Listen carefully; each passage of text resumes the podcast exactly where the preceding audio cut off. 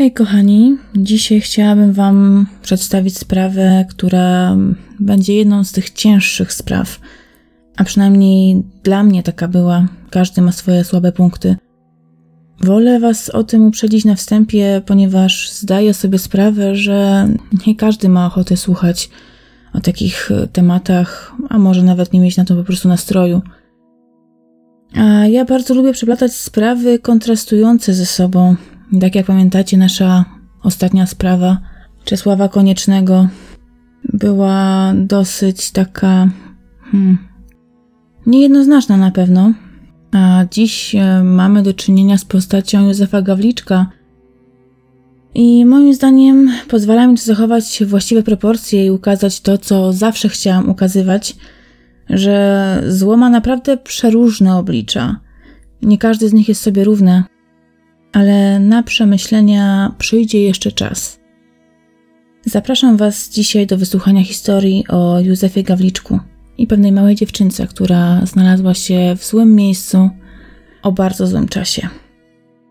8 lipca 1932 roku śląskie gazety donosiły o odnalezieniu ciała w lesie dąbrowskim. Było to dokładnie przy szosie między Czernicą a Żuchowem. Okazało się, że jest to zaledwie 7,5-letnia Anielka Krajczokówna, czy też według innych źródeł Grajczokówna. Dziewczynka pochodziła z Czernicy. Jej ojciec Wilhelm był tam robotnikiem, a zaginęła w nocy z 6 na 7 lipca.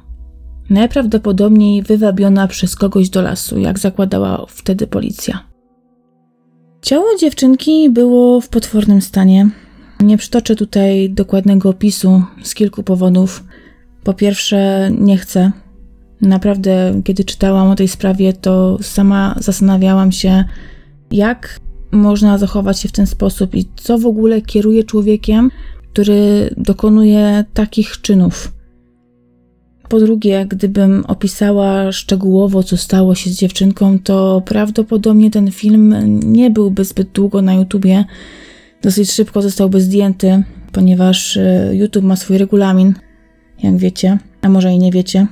A po trzecie, zbrodnia ta była tak okrutna, że nawet ówczesne gazety starały się nie opisywać zbyt dokładnie tego, co śledczy znaleźli na miejscu zbrodni, na miejscu odnalezienia dziewczynki.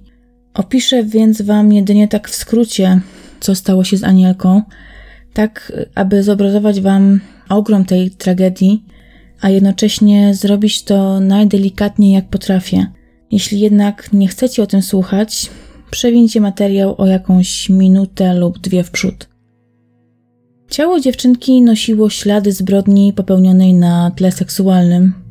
Dziewczynka została wykorzystana chwilę przed lub chwilę po śmierci.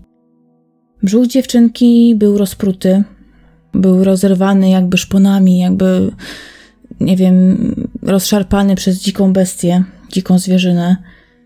W okolicy ciała leżały wyrwane z brzucha narządy wewnętrzne dziewczynki.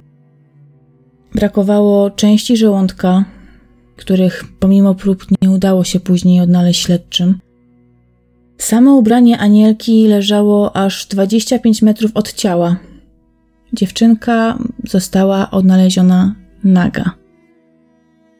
Na miejsce odnalezienia ciała, prócz policji, od razu zleciała się lokalna ludność, żądna sensacji. Kiedy tylko gruchnęła wieść o koszmarnym znalezisku, każdy chciał na własne oczy zobaczyć ciało dziewczynki, to w jakim jest stanie. Śledztwem zajął się komisarz Niżankowski wraz z komisją sądowo-śledczą.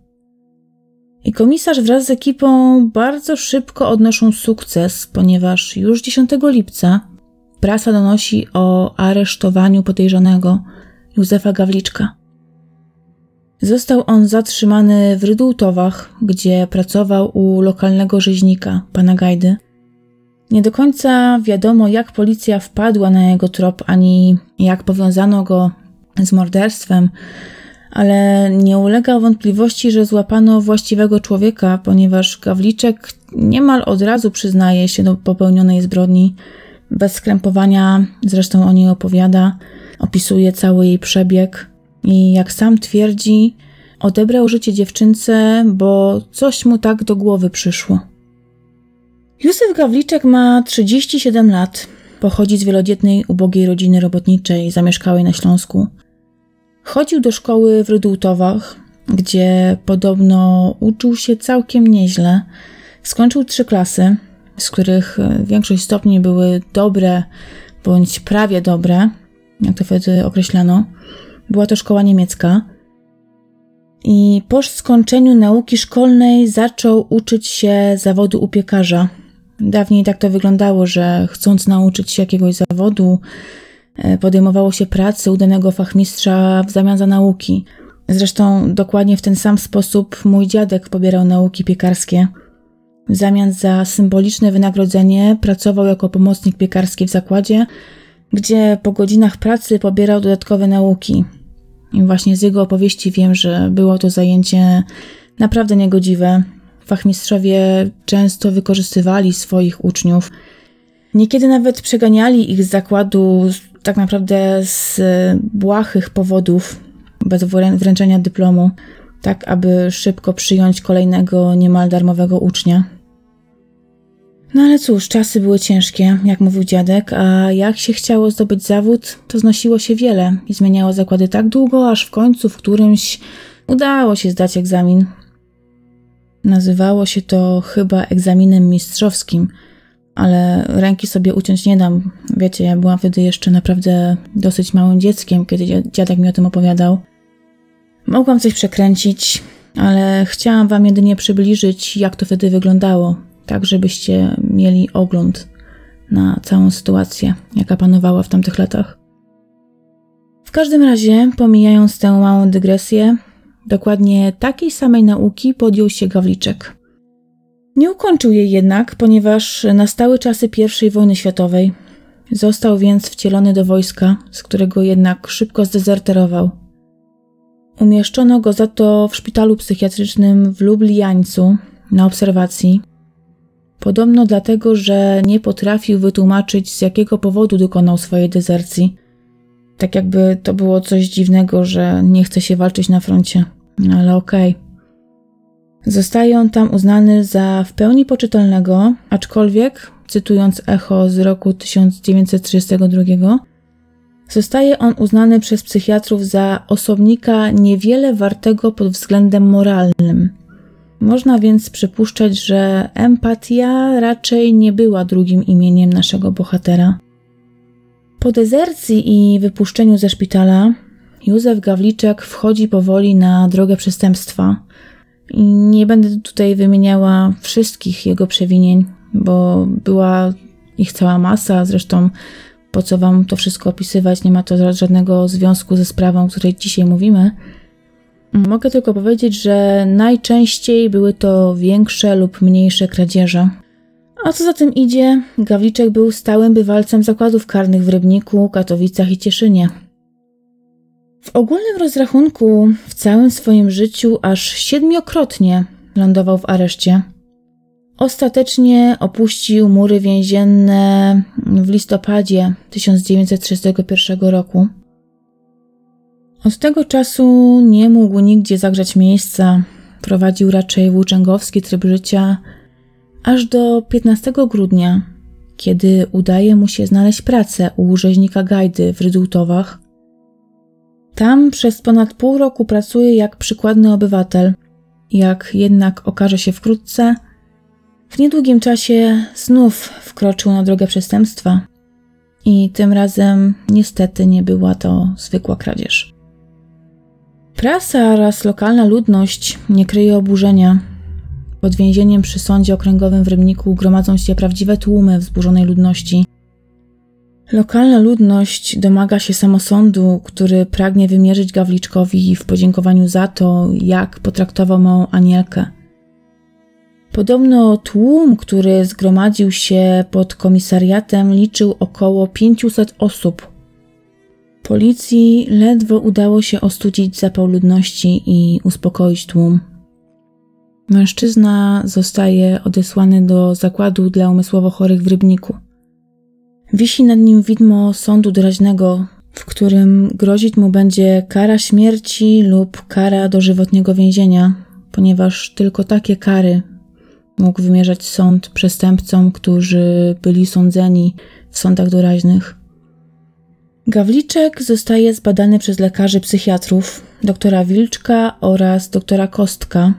Oboje oni orzekli, że mężczyzna jest w pełni władz umysłowych, a zbrodni dokonał będąc w pełni poczytalnym i świadomym swoich czynów. Jednocześnie zostaje u niego stwierdzona dewiacja oraz zaburzenia popędu seksualnego. Mając więc pewność, że oskarżony jest w pełni władz umysłowych, zostaje wyznaczony termin rozprawy doraźnej. Sprawa przeciwko Józefowi Gawliczkowi ma się odbyć 22 lipca 1932 roku. Będzie ją prowadzić przewodniczący sędzia Sądu Okręgowego w Katowicach dr Podolecki. Oskarżycielem zaś będzie prokurator dr Kulej. Cały proces ma się rozpocząć o godzinie 9 rano. I tutaj również postanowiono wyłączyć proces dla publiczności ze względu na ogromne, naprawdę ogromne zainteresowanie sprawą. Tak jak w większości pozostałych historii, o których Wam opowiadałam, e, wstęp na salę rozpraw miał być dostępny jedynie dla osób, które posiadały i wykupiły specjalną kartę wydaną przez sąd w Rybniku. Gdzieś odnalazłam informację, że sprawa cieszyła się tak wielką popularnością, że gdzieś na lewym rynku, myślę tak można powiedzieć, Niektóre wejściówki kosztowały nawet 50 zł, co jak na tamte czasy było naprawdę sporą kwotą. I tak oto rusza proces przeciwko Józefowi Gawliczkowi. Prasa obwołuje go chyba nieco na wyrost, moim zdaniem, rybnickim Peterem Kurtenem, czyli wampilem z Düsseldorfu, który miał na sumieniu życie dziewięciu osób, w tym również właśnie małych dziewczynek. Tych, którzy nie znają sprawy, a są nią zainteresowane, odsyłam do podcastu Marcina Myszki z Kryminatorium. Poświęcił jej chyba dwa odcinki, o ile się nie mylę. Ale wracajmy do naszego gawliczka. 22 lipca przed gmachem sądu gromadziły się tłumy ludności, która zjechała z Żuchowa, Czernicy, Łukowa Śląskiego i Rydultów, czyli z okolic, w których została dokonana zbrodnia. Wszyscy byli ciekawi, jaki los spotka tak okrutnego zbrodniarza oraz jak wytłumaczy się on przed sądem. Wszyscy byli bowiem przekonani, że Gawliczek zasługuje na karę śmierci i najpewniej właśnie taki wyrok zapadnie w dzisiejszym procesie. O godzinie 9.40 na sali sądowej pojawia się trybunał. Obrońcą Gawliczka jest mecenas dr Adam z Rybnika, którego nazwiska prasa nie podała. Na ławę oskarżonych zostaje wprowadzony Gawliczek asyście dwóch policjantów. Na sali panuje niemal śmiertelna cisza. Wszystkie oczy wpatrują się w mężczyznę, który jest oskarżony o tak potworny czyn. Zdaje się on być beznamiętny, jego rysy twarzy nie zdradzają najmniejszego zainteresowania z całą sprawą. Jego twarz wręcz wydaje się być kamienna. Sąd przystępuje do odczytania aktu oskarżenia. Wywołuje on ogromne poruszenie wśród zgromadzonej widowni ze względu na poruszone okrucieństwo, jakiego dopuścił się Gawliczek, a które zostało odczytane przez sąd niemal w detalach, no bo niestety musiało być tak odczytane. Po wysłuchaniu aktu oskarżenia, Gawliczek przystępuje do złożenia wyjaśnień. Twierdzi on, że krytycznego dnia błądząc po lesie, wspomniał pewien artykuł, który swojego czasu przeczytał w tajnym detektywie. Opowiadał on o zbrodni popełnionej na ośmioletniej dziewczynce. Nie potrafił wyrzucić z głowy opisu zbrodni. I wtedy naszła go myśl, aby dokonać czegoś podobnego. I jak gdyby los czytał mu w myślach, bo na jego drodze stanęła siedmioletna Anielka Krajczokówna. Mężczyzna postanowił wykorzystać tę okazję i spełnić swoje chore wizje. Nagle ukazała się jakaś dziewczynka. Schwyciłem ją i obaliłem na ziemię. Tak swój opis zaczął Gawliczek. Nieprzytomną dziewczynkę zaniósł w głąb lasu, gdzie wykorzystał ją seksualnie, a następnie rozszarpał. Jako wytłumaczenie swojego czynu oskarżony wyznał, że coś mi tak do głowy przyszło. Chciałem zobaczyć, jak wygląda serce ludzkie. Nie mogłem się jednak do serca dostać, bo przeszkadzały mi płuca, więc poszedłem dalej. Później obmył się w pobliskim stawie i przez kolejne kilka dni błąkał się po okolicy, aż zauważył go i schwytał Józef Cebula, który będzie zeznawać w procesie chwilę później. Gawliczek jest również wypytywany o swoją religijność oraz zamiłowanie do kryminałów. Ma to raczej niewiele wspólnego ze zbrodnią, ale według sądu ma to na celu ukazanie, że oskarżony oddalił się od Boga, a zanurzył w świecie pełnym przemocy i brutalności. I tak dowiadujemy się, że Gawliczek od lat nie chodził do spowiedzi, nie brał też udziału w mszach, ponieważ, jak sam stwierdził, nie miał odpowiedniego ubrania do kościoła. Potwierdza również swoje zamiłowanie do prasy kryminalnej.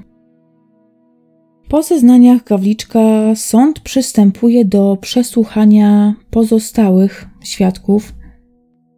I tak oto jako pierwszy zeznaje w procesie wspomniany przeze mnie chwilkę wcześniej Józef Cebula, robotnik spod Rydultów. Opowiada on, że kiedy dzień po morderstwie siedział z kolegami pod domem, zauważył Gawliczka – był on cały przymoczony. Jedyną suchą rzeczą y, i odzieżą, jaką miał na sobie, była jego czapka.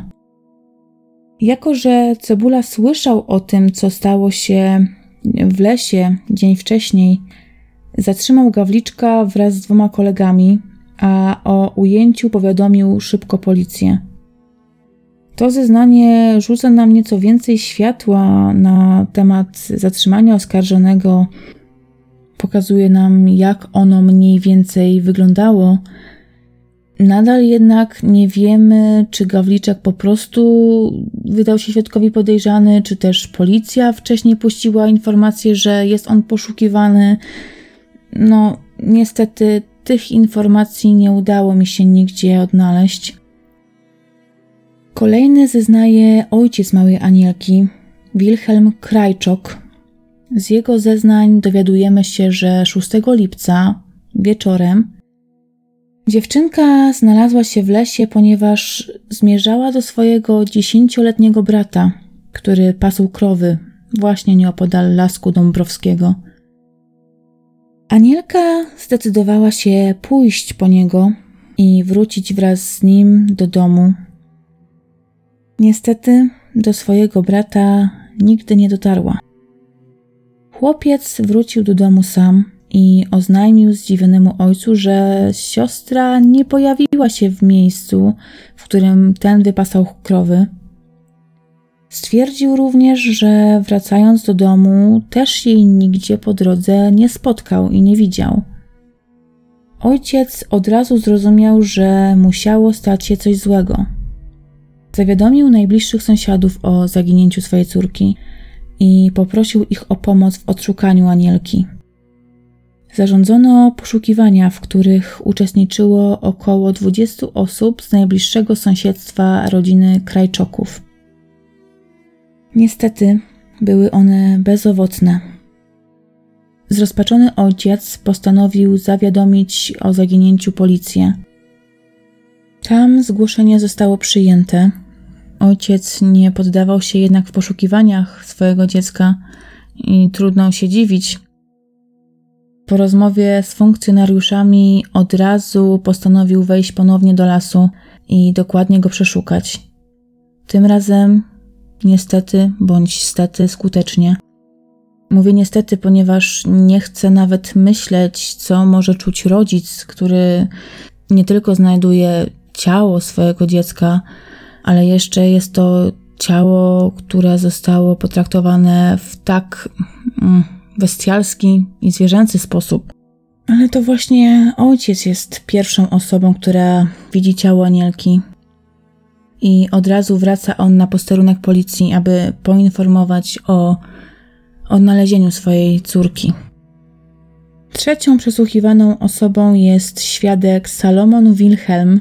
Jest on gajowym w lesie dąbrowskim.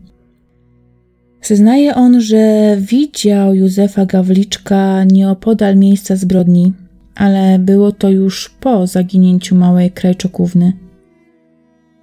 Mówi również, że tego dnia, gdy zaginęła Anielka, wieczorem, zdawało mu się, że słyszy jakieś rzężenie, kiedy przechodził obok miejsca, gdzie kolejnego dnia znaleziono ciało dziewczynki.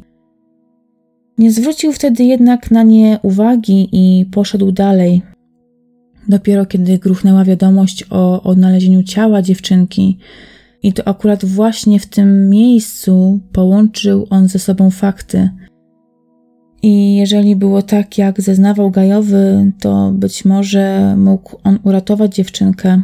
Jeżeli słychać było rzężenie, to być może dziewczynka jeszcze żyła. Niestety nigdy się już tego nie dowiemy.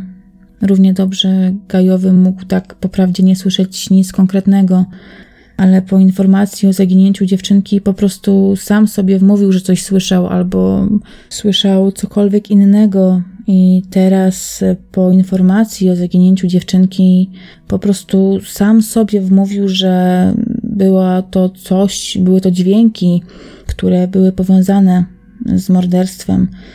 Niektórzy ludzie już tak mają, że dopowiadają sobie wiele i dopasowują to, co słyszeli lub widzieli do danej sytuacji. Zeznaje również Adolf Kostka.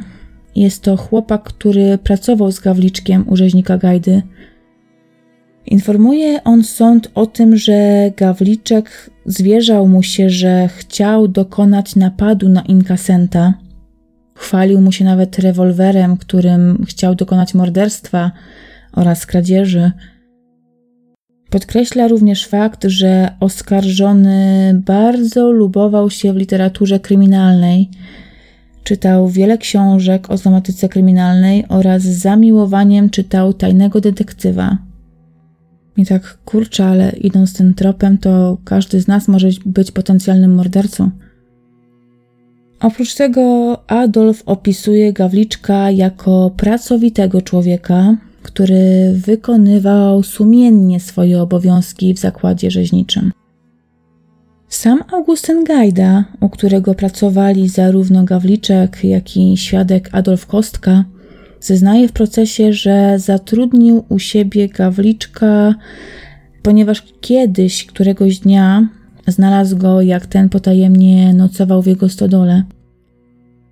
Oskarżony zwierzył mu się, że niedawno wyszedł z więzienia i nie ma gdzie się teraz podziać. Tuła się więc od wsi do wsi, nie ma pracy, domu, nie wie co ma ze sobą zrobić, więc wykorzystał stodołę do noclegu.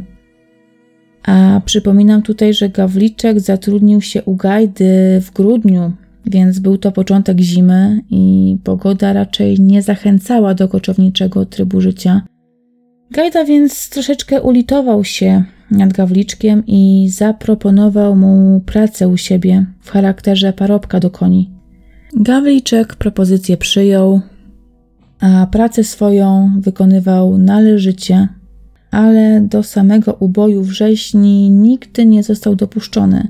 Zajmował się tylko końmi w gospodarstwie Gajdy. Świadek również wskazuje na fakt, iż Gawliczek z zamiłowaniem zaczytywał się w tajnym detektywie. Wiecie, kiedyś takie zainteresowania były raczej uznawane za swojego rodzaju degenerację. No bo kto normalny lubuje się w czytaniu o zbrodniach, prawda? Rzeźnik Gajda mówi też na koniec, że według niego Gawliczek jest człowiekiem bardzo inteligentnym i bardzo dobrze rozwiniętym intelektualnie. Mówi nawet, że jego zdaniem Gawliczek jest zdecydowanie inteligentniejszy niż on sam, co wywołuje wesołość na sali rozpraw. W procesie ma zeznawać również 60-letnia matka oskarżonego. Jednak zostaje ona pouczona przez sąd, że przysługuje jej prawo odmówienia zeznań. Kobieta chętnie z tego prawa korzysta i bez zbędnych pytań, szlochając, odchodzi i siada na ławce. Jest to jedyny moment procesu, w którym sam Gawliczek okazuje emocje. Widząc swoją matkę oraz jej szloch, on również wybucha histerycznym płaczem. Szybko jednak się uspokaja. O okolicznościach zatrzymania podejrzanego, teraz już oskarżonego, opowiada przed sądem komisarz Niżankowski, który kierował śledztwem po odnalezieniu ciała Anielki. Funkcjonariusz zeznaje, że po zatrzymaniu Gawliczka ten przez dwie godziny zaprzeczał, że ma coś wspólnego e, z dokonaną zbrodnią. Na zwrócenie mu uwagi, że ma pod paznokciami krew, ten odpowiada, że przecież pracuje w rzeźni, więc to chyba normalne, że czasami ma na sobie resztki krwi. Komisarz nie dawał za wygraną i próbował udowodnić Gawliczkowi kłamstwo. Wszak ten, owszem, był zatrudniony u rzeźnika Gajdy, ale nie pracował w samej rzeźni, a przy koniach.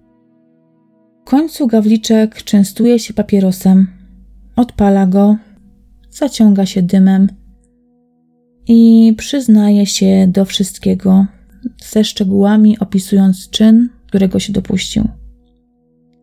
W procesie zeznają również biegli, i tak wspomniany wcześniej dr Wilczek opisuje Gawliczka jako osobę w pełni władz umysłowych, świadomą swoich czynów i konsekwencji z nich wynikających. Dalsi psychiatrzy ze szpitala w Rybniku, dr Rostek i dr Cyran, zeznają, że oskarżonego można sklasyfikować jako typ sadystyczny, posiadający bardzo słabą, silną wolę Stąd jego zapędy i niestety dokonanie całej zbrodni na Anielce. I tym sposobem kończy się przesłuchiwanie świadków. Prokurator Kulej przystępuje do swojej mowy końcowej, w której podnosi, że oskarżony zasługuje jedynie na karę śmierci, ponieważ jest on człowiekiem zdegenerowanym, który tak naprawdę nie zasługuje na uwzględnienie jakichkolwiek okoliczności łagodzących. Nie zgadza się z nim obrońca, który prosi o wymierzenie kary dożywotniego więzienia. Podnosi on tutaj, że Gawliczek był już przecież dwukrotnie pacjentem szpitali psychiatrycznych, gdzie bezsprzecznie orzeczono, iż jest on osobą, która ma zły wpływ na otoczenie, co nie zostało powiedziane wcześniej na sali sądowej, a byłaby to okoliczność naprawdę łagodząca dla Gawliczka, ponieważ gdyby już wcześniej przyjrzeć się Gawliczkowi i poddać go leczeniu, być może cały ten proces nigdy nie miałby miejsca, a Anielka byłaby nadal cała i zdrowa. Sąd udaje się na naradę, po której ogłasza werdykt. Oskarżony Józef Gawliczek zostaje uznany winnym popełnienia zbrodni na Anielce Krajczokównie, za co zostaje skazany na karę śmierci. Według sądu działanie oskarżonego było czynem potwornym, zwłaszcza kiedy spojrzy się na fakt, że zbrodnia została dokonana na siedmioletniej, bezbronnej dziewczynce – nad którą skazany miał ogromną przewagę siłową. Siedmioletnie dziecko nie miało bez nim najmniejszych szans na obronę. Czyn, którego dokonał Gawliczek, był wyjątkowo okrutny i według sądu jedyne na to zasługuje to kara śmierci. Gawliczek samą informację o wyroku przyjął ze spokojem. Do prezydenta Rzeczpospolitej Polskiej została zgłoszona informacja o wydanym wyroku śmierci. Teraz już jedyne, co można było zrobić, to oczekiwać na decyzję w sprawie prawa łaski. O godzinie 21 przyszła odpowiedź z kancelarii prezydenta. Była ona odmowna. Gawliczek przyjął te informacje również ze spokojem. Zresztą już od samego początku dał się poznać jako osoba beznamiętna, podchodząca do wszystkiego bez emocji. Całą noc przed egzekucją skazaniec spędza w swojej celi, rozmawiając z księdzem misjonarzem, księdzem Puchałą. Jednocześnie w tym czasie pod gmachem więziennym stawiana była szubienica, której budowy pilnował Kat Maciejewski, który przyjechał specjalnie na wykonanie wyroku. Nad ranem miał bowiem odebrać życie Gawliczkowi. Wiadomość o tym, że w mieście pojawił się Kat Maciejewski oraz że wkrótce ma zostać wykonany wyrok śmierci na Gawliczku, roznosi się wręcz lotem błyskawicy po okolicy. Pod gmachem więzienia gromadzą się tłumy.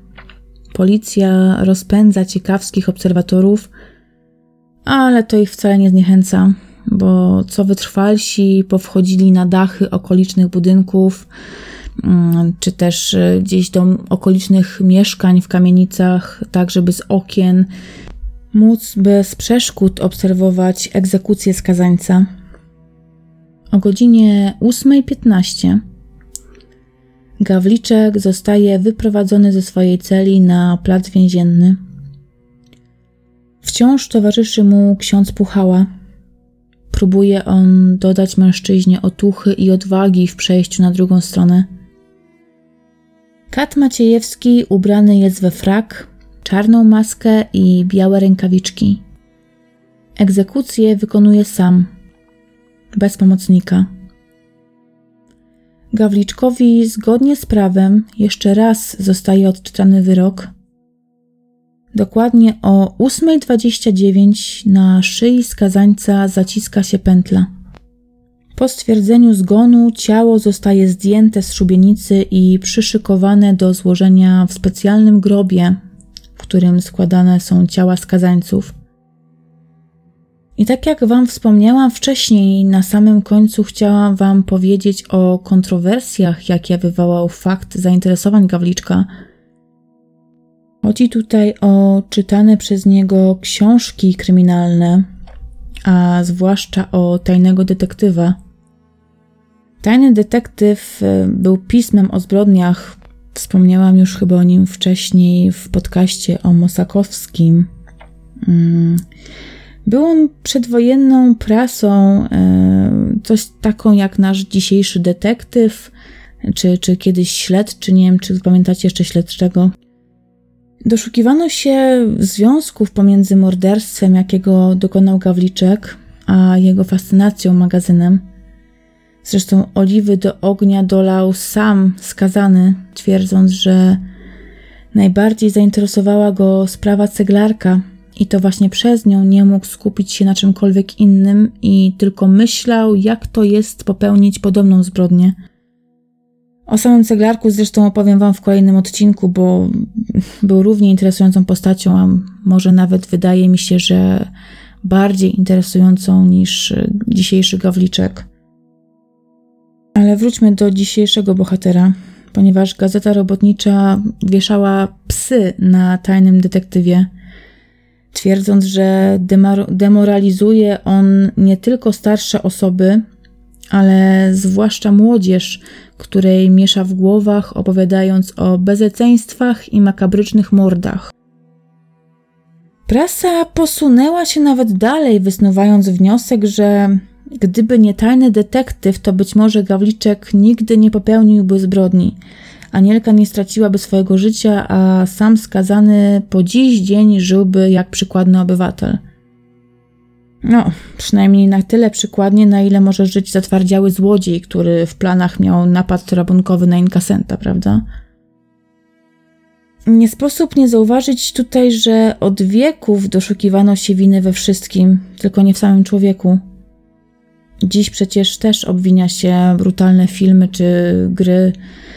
Kiedyś obwiniało się prasę kryminalną, a prawda chyba jest niestety dużo prostsza. Wystarczy, że ziarno trafi na podatny grunt i można zbierać plony. A czy jest to film, gra, gazeta, czy nawet zasłyszana gdzieś historia, bo przecież wszyscy wiemy, że dawniej, kiedy nie było aż takich, takiego przelotu informacji, po prostu ludzie opowiadali sobie takie historie zasłyszane gdzieś od znajomych. Ale chyba najłatwiej było wtedy obwinić prasę. Tak mi się wydaje. Jako ciekawostkę mogę Wam jeszcze powiedzieć, że po straceniu gawliczka strasznie chodliwym towarem był sznur, na którym skazaniec stracił życie. Według wierzeń i przeróżnych zabobonów, kawałek sznura, na którym zbrodniarz stracił życie, miał przynosić szczęście jego posiadaczowi. Strażnicy więzienni zwęszyli więc w tym niezły biznes i sprzedawali sznur na potęgę. Jeden centymetr takiego sznura miał kosztować złotówkę. Oczywiście nie trudno się domyślić, że ten sprzedawany sznur tak naprawdę niewiele miał wspólnego ze sznurem, na którym zawisł gawliczek. Ale jak to trafnie podsumowała Polska Zachodnia, naiwnych siać nie trzeba, bo sami się rodzą. I to już koniec dzisiejszej historii. Dziękuję Wam bardzo za wysłuchanie. Jeżeli ktoś jest bardziej ciekawy tego, jak wyglądała zbrodnia na Małej Anielce, to ja oczywiście jak zwykle w źródłach wypiszę Wam wszystkie artykuły i wszystkie gazety, w których można znaleźć jakikolwiek opis. Chociaż nie polecam, ale może ktoś będzie miał ochotę. Ja Wam oczywiście bardzo dziękuję jeszcze raz i do usłyszenia wkrótce. Pa!